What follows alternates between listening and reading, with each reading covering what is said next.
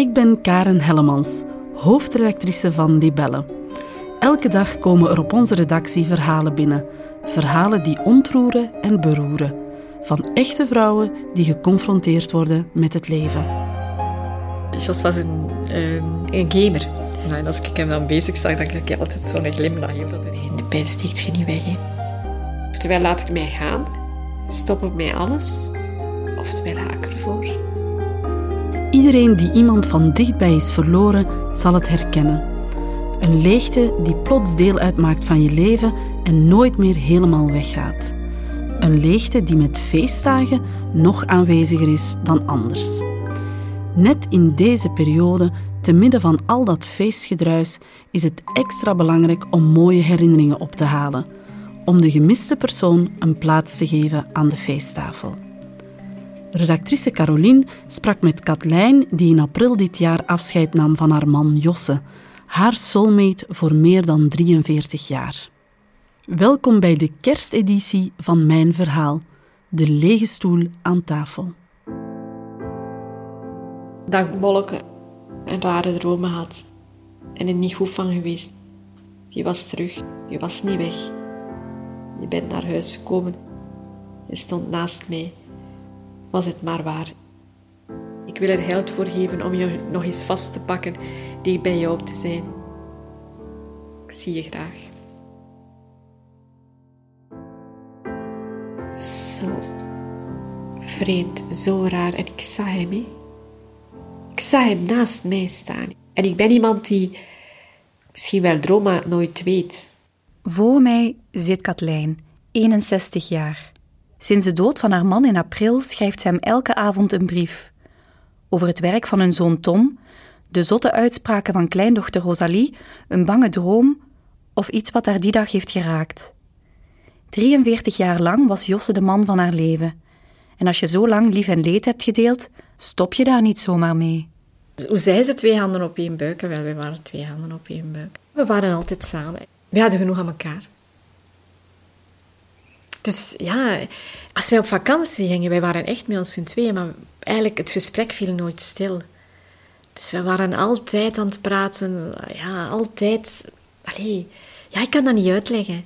Die klik was er en die klik is eigenlijk nooit meer weggegaan. Waar Katlijn was, was Josse en omgekeerd. Al vonden ze het belangrijk om ook elk hun eigen hobby's te hebben. Jos was een fietser, ik niet. Dus dat was echt zoiets van... Allee, ik, ja, ik heb het geprobeerd. Hij zou dat heel graag gehad hebben. Ik heb het geprobeerd, maar dat ging gewoon weg niet. Na vijf kilometer dan hing mijn, mijn tong tussen mijn, mijn wielen en, en dat ging gewoon weg niet. Maar ik was dan een, een, een wandelaar en dan hebben we daar echt een compromis in gevonden. Jos was ook een... Allee, hoe noem dat nu? Een, een gamer. Maar... Um, koers met, met auto's, racen. En dan, allee, als ik hem dan bezig zag, dat was boven op de kamer deed hem En als ik hem dan bezig zag, dan kreeg ik altijd zo'n glimlach, dat hij daar echt op, op gefocust was. Hij reed tegen, tegen anderen. Want onze zoon heeft het over laatst nog gezegd van, zouden ze eigenlijk geweten hebben dat dat iemand was die in de zestig was? dus echt, ja, hij ging daar enorm in op.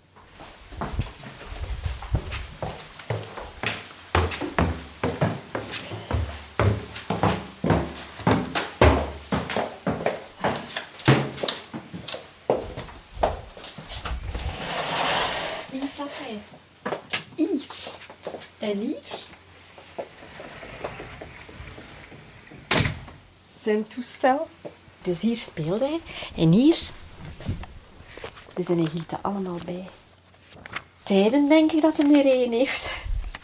En je kunt je zien, hè. dus echt, dat was iets, kijk. En daar kon hij me echt mee amuseren. Hè. Dus dat was zijn plaatsje. Dus en hier sliep hem dan ook het laatste. Maar zijn bril ligt er nog, zijn schoenen staan er nog. Dus ja, is uh, echt nog aanwezig. Misschien wel de mooiste herinneringen koestert Katlijn aan hun reizen naar Zuid-Frankrijk. Samen wandelen langs de kustlijn over de Corniche, gezellig samen tafelen of Josse bevoorraden bij zijn beklimming van de Mont Ventoux. Maar liefst 23 keer trekken ze samen naar hun plekje aan de Côte d'Azur. En hun vakantie begint altijd op dezelfde manier. Dus voordat wij, als wij van de autostrade reden, dan moesten wij nog zo door, door het gebergte. En dan zetten wij ons altijd opzij. Dat was zo'n klein parkingsje. Hier wegrijden. En voor Jos begon de vakantie. Bij mij begon mijn vakantie als we daar op die parking stonden en als we dat laatste deel deden. Nog eens drinken, nog eens, als we nog een lange broek aan hadden, meestal dan een korte broek aan omdat het warm want we reden s'nachts. Omdat het dan al warmer was, dan was het ramen open en dan was dat keihard Lola van de Kings. Lola, Lola.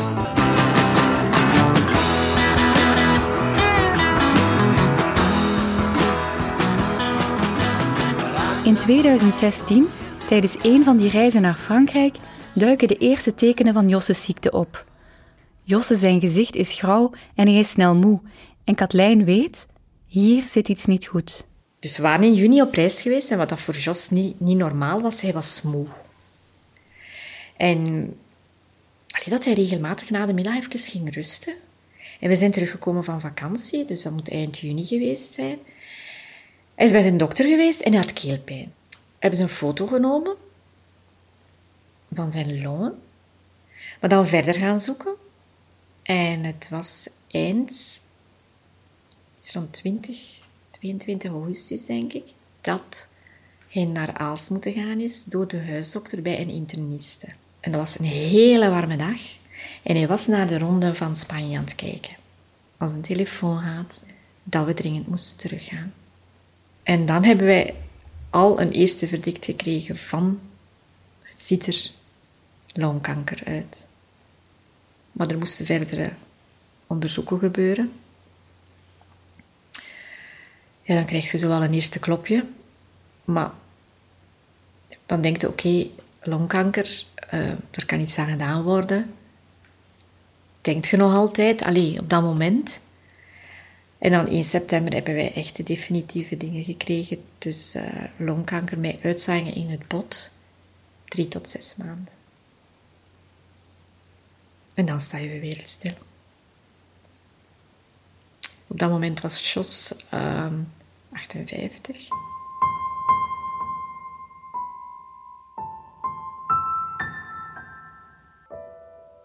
Wat er ook bij was, dus 1 september die een uitslag. En 16 september is ons Rosalie geboren. Kleindochter van onze zoon. En dat is zo... Je moet blij zijn, maar je kunt niet blij zijn. Dat, heel, dat, dat, doet, dat zo, doet zoiets raars met een mens. Hè. Dus eigenlijk zei je, oh, je eerste kleinkind is daar. Ja, onze zoon is er nu 39, dus wij hebben er lang moeten op wachten. En allee, het doet zoiets van, oh, we worden grootouder. Maar langs de andere kant was dat verdriet van Jos ook zo groot. Maar dan hebben wij de knop omgedraaid en dan hebben wij gezegd, we moeten er volop voor gaan. Hè. Als Josse in aanmerking komt voor een bepaald soort medicatie dat de kanker tijdelijk stil kan leggen, twijfelen ze geen moment. Ze starten de behandeling op die zijn leven nog aanzienlijk zal verlengen. Eind november is hij begonnen met die beeld te nemen. En ja, dan, wij hebben eigenlijk de knop omgedraaid en wij hebben genoten. En op sommige momenten denk ik, vergaten we dat gewoon. Dat dat er was. Ik denk dat hij vier jaar en een half dat hij geleefd heeft, dat dat gewoon dat hij een jaar bijgekregen heeft door zijn vechtlust. Denk ik persoonlijk. Want hij had het veel sneller kunnen opgeven. Zelfs als hij doodmoe was, toch verder doen. Echt vechten, daartegen vechten en hem niet laten gaan. Helaas wordt vechten een deel van hun dagelijkse realiteit. Het maakt een diepe indruk op kleindochter Rosalie, een kleuter die net leert dat vechten niet mag. Op een bepaald moment zei ze bij mij in de auto: Pippi moet stoppen met vechten. Maar Jos was er dan nog. Ik zeg: Maar Wat zegt jij nu? En dan heeft onze zoon gezegd: van kijk, Pippi vecht tegen een stout beestje. Maar bij haar vechten ja, vechten mocht je niet doen. En, en zo opeens zei ze, maar Pipi mag niet vechten. Niet? Dus voor haar het woord vechten was een, was een verkeerd woord. En En nu natuurlijk, nu vraagt ze waarom is Pipé gestopt met vechten. Hè?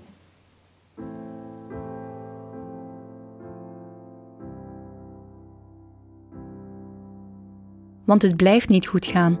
Josse botst op zijn grenzen. De medicatie is uitgewerkt en er zijn uitzaaiingen in het bot. Hoewel hij in aanmerking komt voor een nieuwe behandeling, gaat Josse zienderogen achteruit. Het stappen ging veel moeilijker. Um, hij was ook heel snel moe. En ja, de pijn, de pijn sticht je niet weg. Hè. Stilaan merkt Katlijn dat Josse haar voorbereidt op het einde. Ik moet zeggen, computergewijs ben ik een... Allee, ja, als dat marcheert is allemaal goed, maar als er iets mis aan is, dan, dan, dan is dat niet goed. Hè. Dus dan, uh, dan raak ik in paniek. En Jos deed de betalingen. Jos deed alles van die dingen. En dan dat hem zo stilletjes aan toch begon van... Zullen we dat niet beginnen leren? Gaan we dat eens niet op papier zetten? Dat je dat toch zelf kunt? En zo voelde ik wel dat hij stilletjes aan voelde dat het naar het einde ging.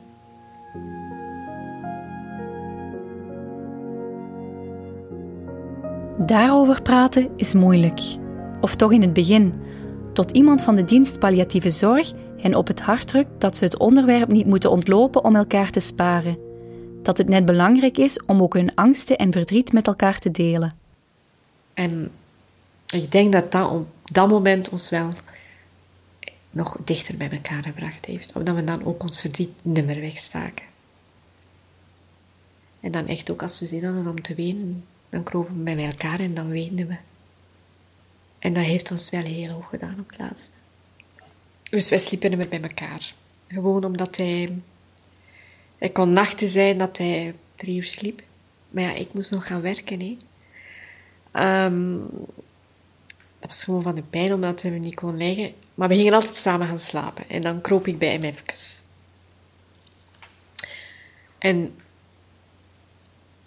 dan dikwijls, op dat moment werd daarover gepraat. Zijn woorden waren altijd van, ik ben er niet meer, maar jij bent er nog. En je moet er nog zijn voor Rosalie, voor Tom. Je mag niet opgeven.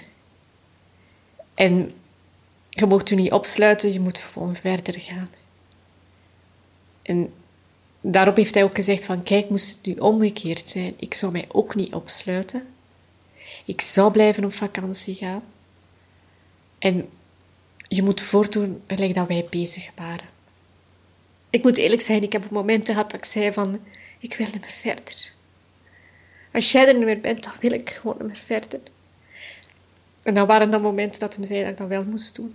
En dat ik dat echt moest beloven om, om, ja, op mij om te, op te laaien en om verder te gaan.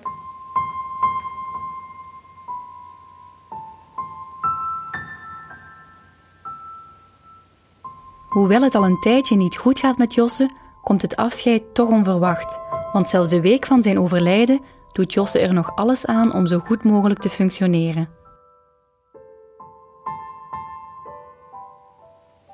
Jos was iemand die, die heel graag kookte. Heel, heel graag. Die probeerde alles. Die durfde. Die riskeerde hem iets. Die, die, die, ja, meestal kwam dat goed. En dat was ook zijn, zijn grote... Allee, ik mocht hem dat niet afpakken. Hij is dus... Allee, hij is een donderdag gestorven en de maandag namiddag heeft hij nog, heeft hij nog gekookt. Hè. Maar hij had wel een stoel nu. Dus dat hij eigenlijk kon zitten uh, terwijl dat hij kookte. Hè. Die maandag heeft hij nog kip gemaakt. Het, het, hangt nog op. Het hangt er nog en ik laat het hangen. Uh, nee, ja, kip. Kip met appelmoes en aardappelen. En de zondag varkenswangetjes met wortelen en ajuin. Dat gaat niet weg. Dat zijn geschrift. Want kijk, we gingen nog konijn. Wij gingen de woensdag... Nee, wanneer was het? Donderdag konijn eten. Dus die, die dinsdag is het ook al nummer geworden. en de woensdag ook al niet meer. Dat was erwtensoep met spek. Rolletjes of zoiets. En dat was een bavarois van heitenkaas met gegrilde asperges en gerookte zalm. Op maandag zit Josse nog achter de kookpotten. Maar op dinsdag gaat hij plots achteruit. En op donderdagavond, 22 april 2021, sterft hij in het bijzijn van Katlijn en hun zoon Tom. Thuis, in het huis waar ze zoveel lief en leed gedeeld hebben. Voor Katlijn is haar man nog steeds dichtbij. Een gevoel dat ze krijgt op de dag dat ze de urne van Josse mee naar huis mag nemen. Hij is een donderdagavond gestorven, hij is de week nadien de vrijdag gecremeerd. En als ik dat s'avonds hier terug was, dat was voor mij zo onrust. Allee, dat hij terug thuis was. En dat was voor mij zo'n... En, en ja, allee, hij is hier terug. En voor mij was dat, heeft dat een rust gegeven dat hij er is. Het is een gevoel van nabijheid dat ze koestert, zoals het schriftje waarin ze dagelijks de brieven naar Josse noteert. Ik heb een blad liggen en als ik aan iets denk, dan schrijf ik dat op en s'avonds schrijf ik daar een hele tekst over. En soms is dat maar zo lang, soms is dat heel lang, dus het is, het is allemaal zo'n beetje te zien. Wat ik gedaan heb in de dag, wie dat de ronde gewonnen heeft, wie dat er... Allee, ja, zo'n dingen allemaal. Praten al constant tegen hem hè. Als, als ik hier ben en ik loop hier rond, praat gewoon tegen hem of dat hij hier in de zetel zit. Dus ik vertel van alles, dus... dus als ik aan het koken ben ook, ja, dat ik zoiets heb van, oh, zie, nu zou jij weten wat ik daar nu nog moest bijdoen. Dus ook na het overlijden, al wat dat erbij komt kijken. En, en je hebt zoveel, oh, zoveel, ja, paparassen. En, en dat ik dan denk van, oh, jij had hier een antwoord op gehad. Had je weten hoe dat het moest. Katlijn probeert het leven weer op te pikken, maar makkelijk is dat niet. Soms overmant het haar, het verdriet, de onmacht en de boosheid om het gemis. Dan denkt ze terug aan de belofte die ze Josse maakte toen ze naast elkaar in bed lagen. Zeker als je dan aan je gras bezig bent en als je grasmachine daar doet en dat het niet goed krijgt. En dan denk ik van verdomme, waarom heb je dat beloofd dat ik ga verder doen? En ja, dat ik hem dan soms verwijs van waarom heb je me dat aangedaan, waarom zijt je weg? Maar naar schijnt is dat typisch in een rouwproces. Dus, dus allee, ja, dat, dat heb ik, ja, is goed vloeken. en dan toch prutsen tot als je het goed krijgt. Ik heb het goed gekregen ook. En dan denk ik van, zie je dan nu wel, het is gelukt, hè. Samen met haar zoon Tom maakt ze ook plannen. Maar alles wat ze doen onderstreept zowel de aanwezigheid als de afwezigheid van Josse. Zo plannen ze volgend jaar een tripje naar hun geliefde Frankrijk. Het was Josse zijn wens dat zijn assen daar zouden worden uitgestrooid. Zo weet de exacte plek. En die weet ik niet, maar ik, ja, een Colombière. Tegen de Côte d'Azur.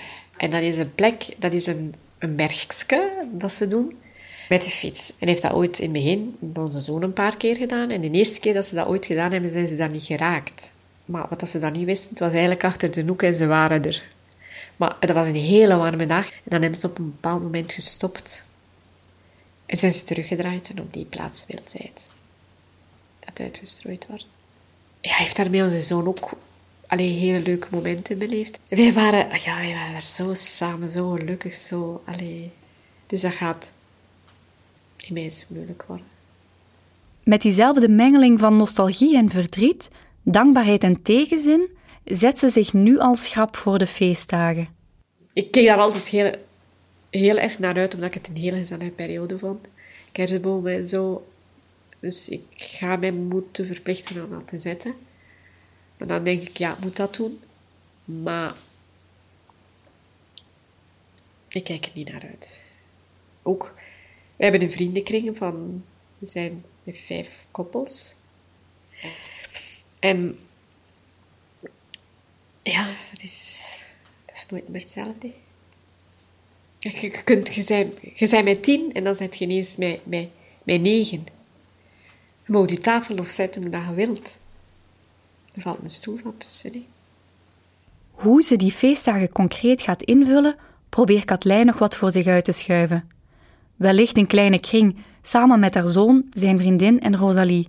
Maar waar ze ook gaat, de foto van Josse gaat altijd mee.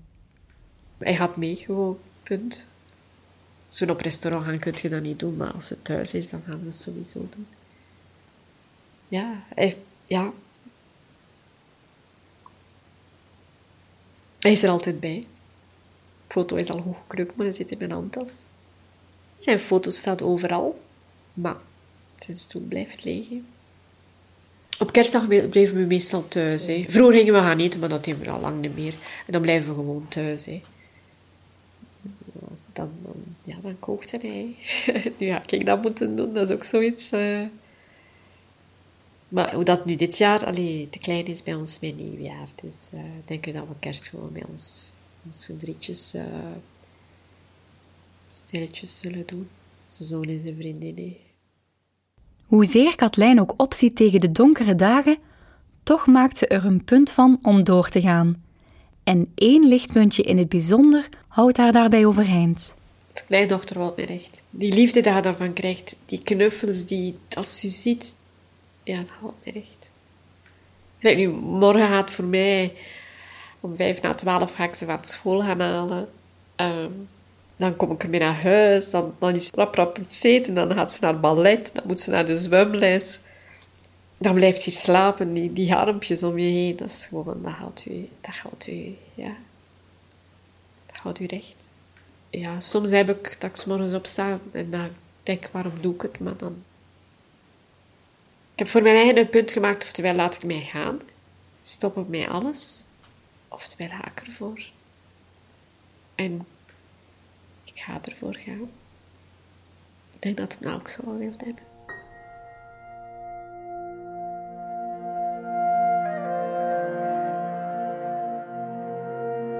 Als ik afscheid neem van Katlijn, voel ik bij mezelf een aarzeling. We hebben zoveel herinneringen opgehaald. Zal haar gemis niet nog tastbaarder zijn als ik haar thuis alleen laat? Maar dan denk ik aan de lach in haar stem toen ze vertelde over haar gamer de verliefde blik toen ze het had over haar soulmate. Het gemis zal er sowieso zijn, met of zonder gezelschap. Ik vraag me af wat ze Josse vanavond zal schrijven.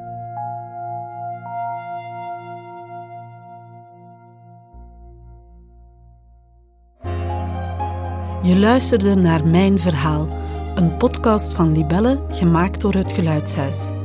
Research en interviews van deze aflevering waren in handen van Caroline Joniot. Regie Marijke Gutens en Leen Renders. Klank en mixage Patrick Voets. Originele muziek Koen Brandt. Wil je niets van deze podcast missen? Surf dan naar libelle.be slash podcast of abonneer je gratis op Mijn Verhaal via Spotify of een andere podcast-app. Heeft deze aflevering je geraakt? Laat dan zeker een recensie achter. Zo vinden anderen makkelijker hun weg naar onze podcast. Luister volgende keer naar het verhaal van Sibylla. We zijn nog met twee, hè? maar toch, er ontbreekt iets. Zij verloor haar broer in een auto-ongeval. Deze podcast kwam tot stand in samenwerking met Dela. Zo zorg je voor elkaar.